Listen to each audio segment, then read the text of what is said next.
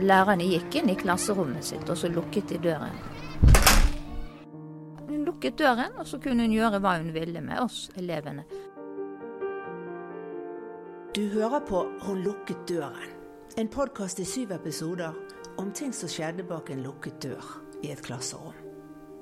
Jeg heter Anne Synnevåg, og jeg gikk i den klassen.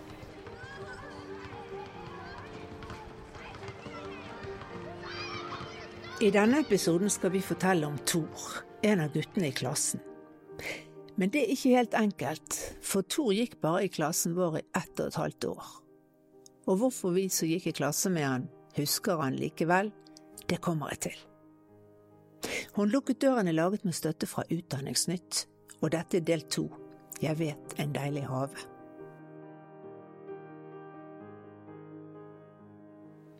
I forrige episode så tok jeg bussen fra min fødeby Bergen til Frekkhaug i Nordhordland.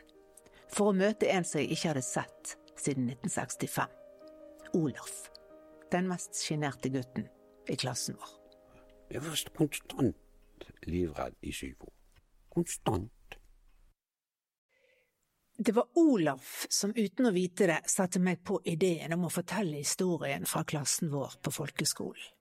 En dag på våren i 2018 så var jeg ute en kveld med en bekjent av meg. Og over et glass rødvin så oppdaget vi at vi var samme årgang. Begge født i 51. Og vi begynte å snakke om hvordan det var å gå på skole i gamle dager. Hun gikk på folkeskole i Hønefoss, jeg i Bergen. Og da jeg fortalte henne om vår frøken, som gjennom syv år fortalte den minste og mest sjenerte gutten i klassen at han hørte hjemme i barnehage. Da spurte hun hvordan gikk det med han? Ja, hvordan gikk det med Olaf? Jeg ante ingenting om han, hadde ikke sett han siden vi gikk ut av syvende klasse. Men kanskje det gikk an å finne ut. Å finne ut om det bare var jeg som husket en frøken som herset med noen av elevene, eller om andre fra klassen husker det samme. Det er over 50 år siden jeg har sett noen av de, men jeg begynner å nøste. På Facebook er jeg venn med en Arne F. Karlsson, som jeg egentlig ikke helt vet hvem er. Men nå begynner jeg å lure på om det kan være Arne Fredrik fra vår klasse. Han som var så rak i ryggen og gikk så pent kledd. Hallo, Arne. Ja, er det Arne Fredrik? Ja visst er det, det du. det er Gitt hvem det er? Det er Anne Sofie Sundevåg. Ja. Vi snakker lenge på telefonen, og han inviterer meg hjem til seg på Bryne. Jeg husker veldig godt første tiden på skolen, at vi fikk en lærer som var liten, med sånn lett krøllete hår. Eh, kunne være smilende og blid, men når hun eh, var på den andre siden, så var det da eh, De øynene, de glemmer jeg ikke. Hun kunne sette i deg noen forferdelige øyne. Altså, hvis blikk kan drepe, så hadde det vært umiddelbar død. Hun var annerledes enn hva andre voksne som jeg har, hadde vært sammen med. Førsteinntrykket var at jeg var veldig redd. Det skulle skille meg ut, skulle bemerke meg på noen som helst måte. Og så husker jeg veldig godt det at eh, i løpet av de første dagene så var det disse her eh, som var keivhendte, som ble tvunget til å eh, skrive med høyre hånd. Hvorfor ble du redd? Nei, jeg vet ikke. Jeg vet ikke, jeg har ikke klart å få noen forklaring på det, men rett og slett så visste jeg vel ikke egentlig hvordan jeg skulle oppføre meg.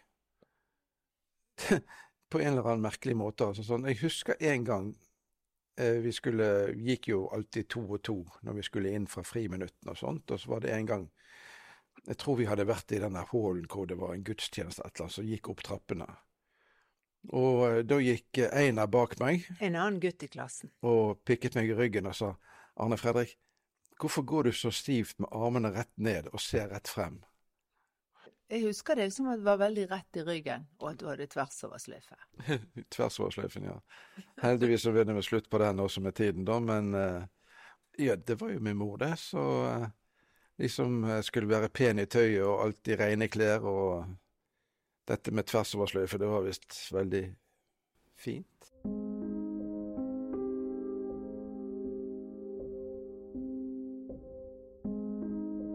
Arne Fredrik har holdt kontakten han med flere andre i klassen, og han oppretter en lukket Facebook-gruppe for klassen vår. Sånn klarer vi å oppspore Olaf og mange flere etter hvert. En av de er Toril, hun som var så flink til å spille piano. Hun bor i Asker, bare en liten kjøretur for meg fra Oslo. Vi to går en tur rundt Semsvannet i Asker og mimrer om læreren vår gjennom syv år på folkeskolen. Hun var vel sånn rundt 50. Men var, jeg syns alltid hun var så morsk. Ja, hun var veldig morsk. Hun var det. Hun var det. Jeg ser hun smiler på klassebildene, Ja, hun gjør det. men jeg tror ikke hun smilte så mye i klasserommet. Nei, jeg tror ikke det. Hun, det, var, og det var disiplin som var viktig. At vi skulle være stille.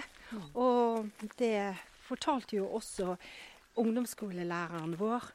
At hun kunne peke ut oss som hadde gått i den klassen, for vi var så stille. Så var det den frykten vi hadde for at, at noe skulle skje, at vi ikke oppførte oss som vi skulle.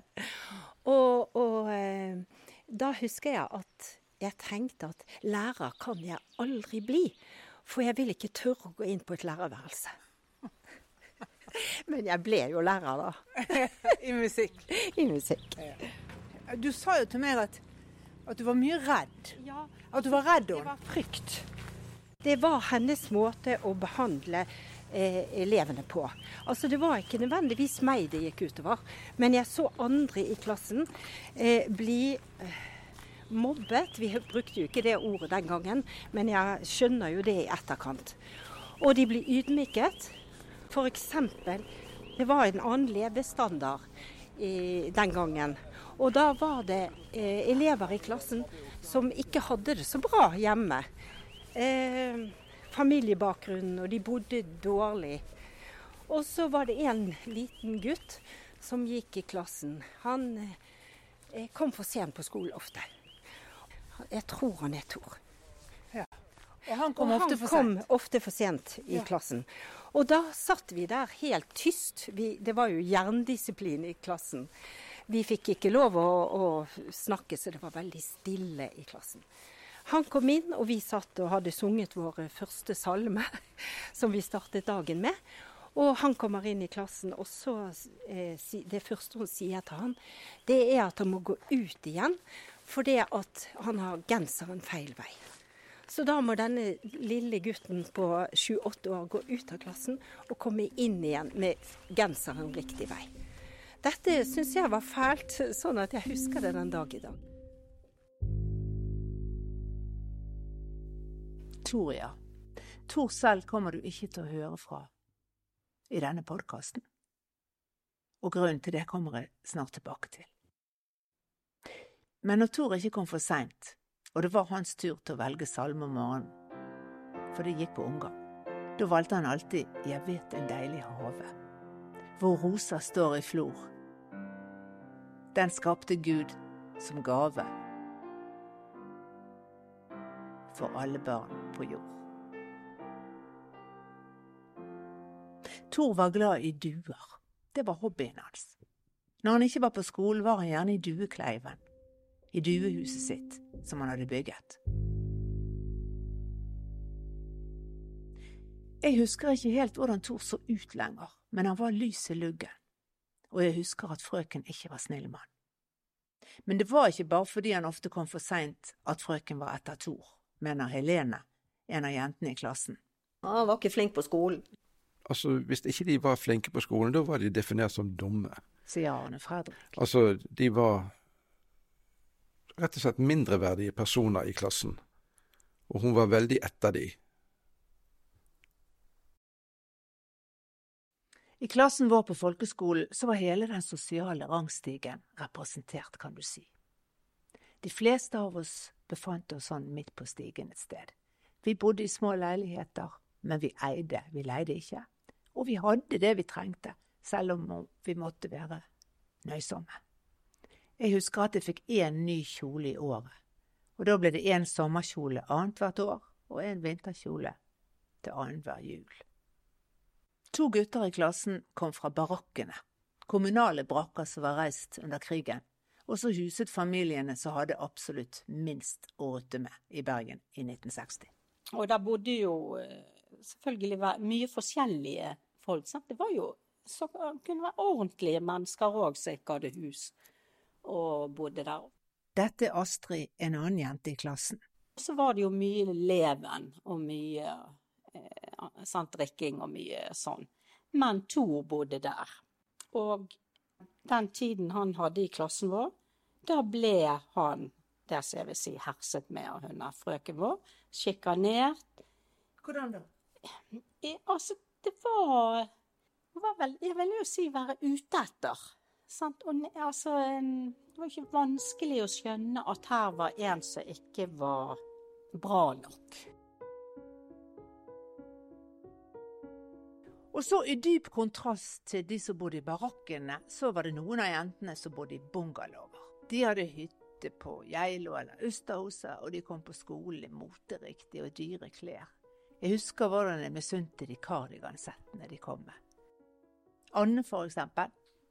Hennes familie tilhørte den bergenske handelsstanden.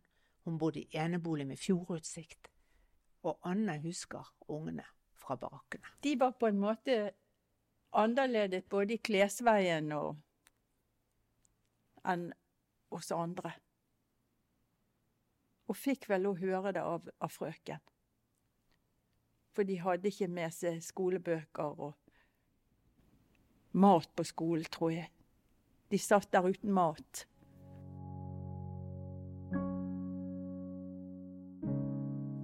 Så en marsdag i 1960 da vi går i andre klasse, skjer det utenkelig. Og da husker jeg veldig godt læreren kom gående. Vi var da i en gang den gangen på småskolen. Sier Helene. Og jeg husker henne med bøker under armen og en veske i hånden. Gikk med veldig tunge, sakte skritt til oss. Og vi alle visste hva som hadde skjedd, men vi måtte få det bekreftet og masse snakk om det, hva som hadde skjedd. Tor er død. To måneder og to dager før han skulle feire sin niårsdag. Han hadde fått en duekleiv over seg med noen spiker eller noen i tinningen. Duekleiven hadde rast sammen over Tor. Da når han døde, så ble alt så da var det jo så voldsomt med denne lille gutten og Tor, hvor vi skulle sørge og delta. Og hun styrte på med dette med hvem som skulle i begravelse og Var det noen av oss som var med i begravelsen? Ja. Jeg mener noe Jeg var ikke med, for det kunne vi velge. Men jeg vet at de, de som hørte til de familiene som gjorde riktige ting, antagelig. Det, noen, det tror jeg har litt med sosiale lag òg. Selv om de absolutt ikke var verken snillere med han eller noen når han levde, så hører det med å gå i begravelse. Sånn. Det er min tolkning nå. Vi hadde jo den hallen på skolen hvor det var holdt andakt hver uke. og Viktige samlinger som ble det gjort der. og Da skal vi ha en minnestund for, for Tor. Og klassen vår skulle jo stå for dette her, og jeg ble da tvunget av frøken til å gå frem og lese alt i Freidi. Og jeg husker det, jeg sto der som vanlig stiv og rett i ryggen, og sikkert med tversoversløyfe oss og skulle lese dette for hele skolen. Det var en, eh, det var en tøff opplevelse. Da var jeg nervøs, da.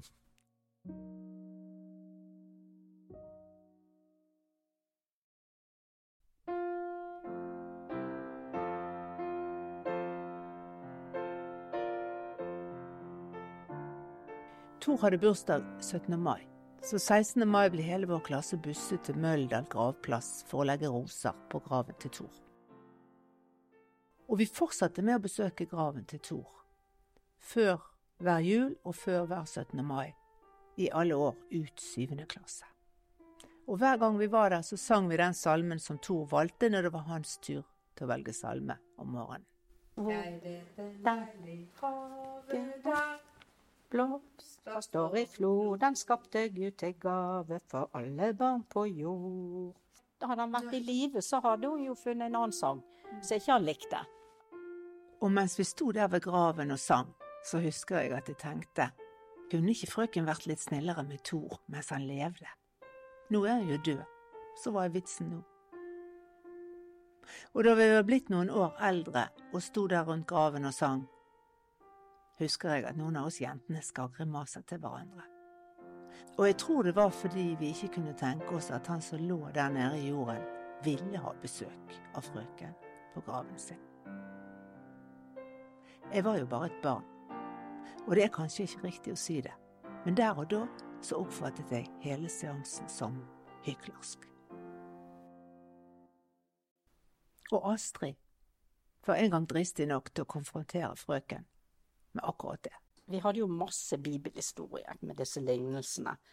Og eh, da hadde vi hatt om fariseerne og den kalkete graven. Og det, det, har gjort veldig inntrykk på meg med at altså disse fariseerne, det var jo skurkene i bibelhistorien, og de hørte vi mye om. I hvert fall fikk jeg mye. Hvor kom den kalkete graven inn i bildet? Det betydde falskheten. At du utenpå er hvit og kalket og fin, men inni så kan det være råttent. Sånn? Og da opplevde jeg at nå var hun frøken blitt lots, og alt var Det var ikke måte på hvor hun nå fremsto så en så Å, denne gutten. Sant? Og så lei seg hun var, og bla, bla. Og jeg trodde jo ikke på det egentlig i det hele tatt at hun var det. Og da var det jeg rakk opp hånden og prøvde i hvert fall å få sagt at du, dette er jo akkurat som sånn den kalkete graven. Og så ble jeg stoppet av henne, så, sånn så Jeg fikk jo ikke snakket ferdig i timen. Det er jo klart jeg ikke gjorde. Og så, etter timen, så stoppet hun meg hva jeg hadde tenkt å si. Så sa jeg jo opp igjen, og sikkert prøvd å forklare med denne, disse her falske, sånn som så sånn som lot som noe annet, og det var sånn som nå. Fordi at hun hadde vært så stygg med han, og mange andre òg. Det sa du til? Ja, og da måtte jeg jo sitte igjen. Ja, sant, så jeg ble jo straffet. Og da i, Altså, det er da jeg tenker Dette i dag så jeg ser denne avmaktfølelsen. For det at jeg var jo egentlig en veldig ordentlig jente. Jeg hadde jo en vill to år eldre bror. Sånn som så jeg var vant til å være altså sånn Ikke lage problem, ekstraproblemer, da. Min mor hadde jo nok med han er lillebroren min. Sant? Så jeg var vant til å, å, være lydig og ordentlig. Sant? Altså ikke at jeg ikke var aktiv, men sånn lydig. Så, så, jeg tenkte jeg gud, nå har jo jeg gjort noe forferdelig. Sant? Altså det forferdelige var jo da å ha, ha ertet på meg hun der trollet der. Så jeg tror aldri Jeg fortalte jo ikke hjemme, og, og det tenker jeg òg dette at sant? Det var Torde jo nesten ikke si når vi hadde sittet jeg satt ofte med hendene på ryggen. I klassen òg. Men der var, jeg var en som maste litt. Og da måtte du sitte med hendene på ryggen? Ja. Hvor lenge da? Nei, det husker jeg jo ikke så resten av timen. Hendene på ryggen, sitte igjen, noen havnet i skammekroken også. Mens Rikard, han måtte vaske seg foran oss andre om morgenen. I vasken ved siden av døren i klasserommet. Hun likte ikke ranselen hans. Han likte ikke gutten og syntes at han var skitten. Og du må gå og vaske deg, og måtte han stadig bort og vaske hendene sine i vasken før han fikk lov til å begynne å skrive. Rikard skal du få høre mer om i neste episode. Du har hørt andre episode av Hun lukket døren. Podkasten er laget av meg, Anne Sundevåg. Øystein Vesaas har hjulpet med lyddesignen, og Kasper Sundevåg med gode innspill. Og vi har fått støtte fra Utdanningsnytt, som er bladet til Utdanningsforbundet.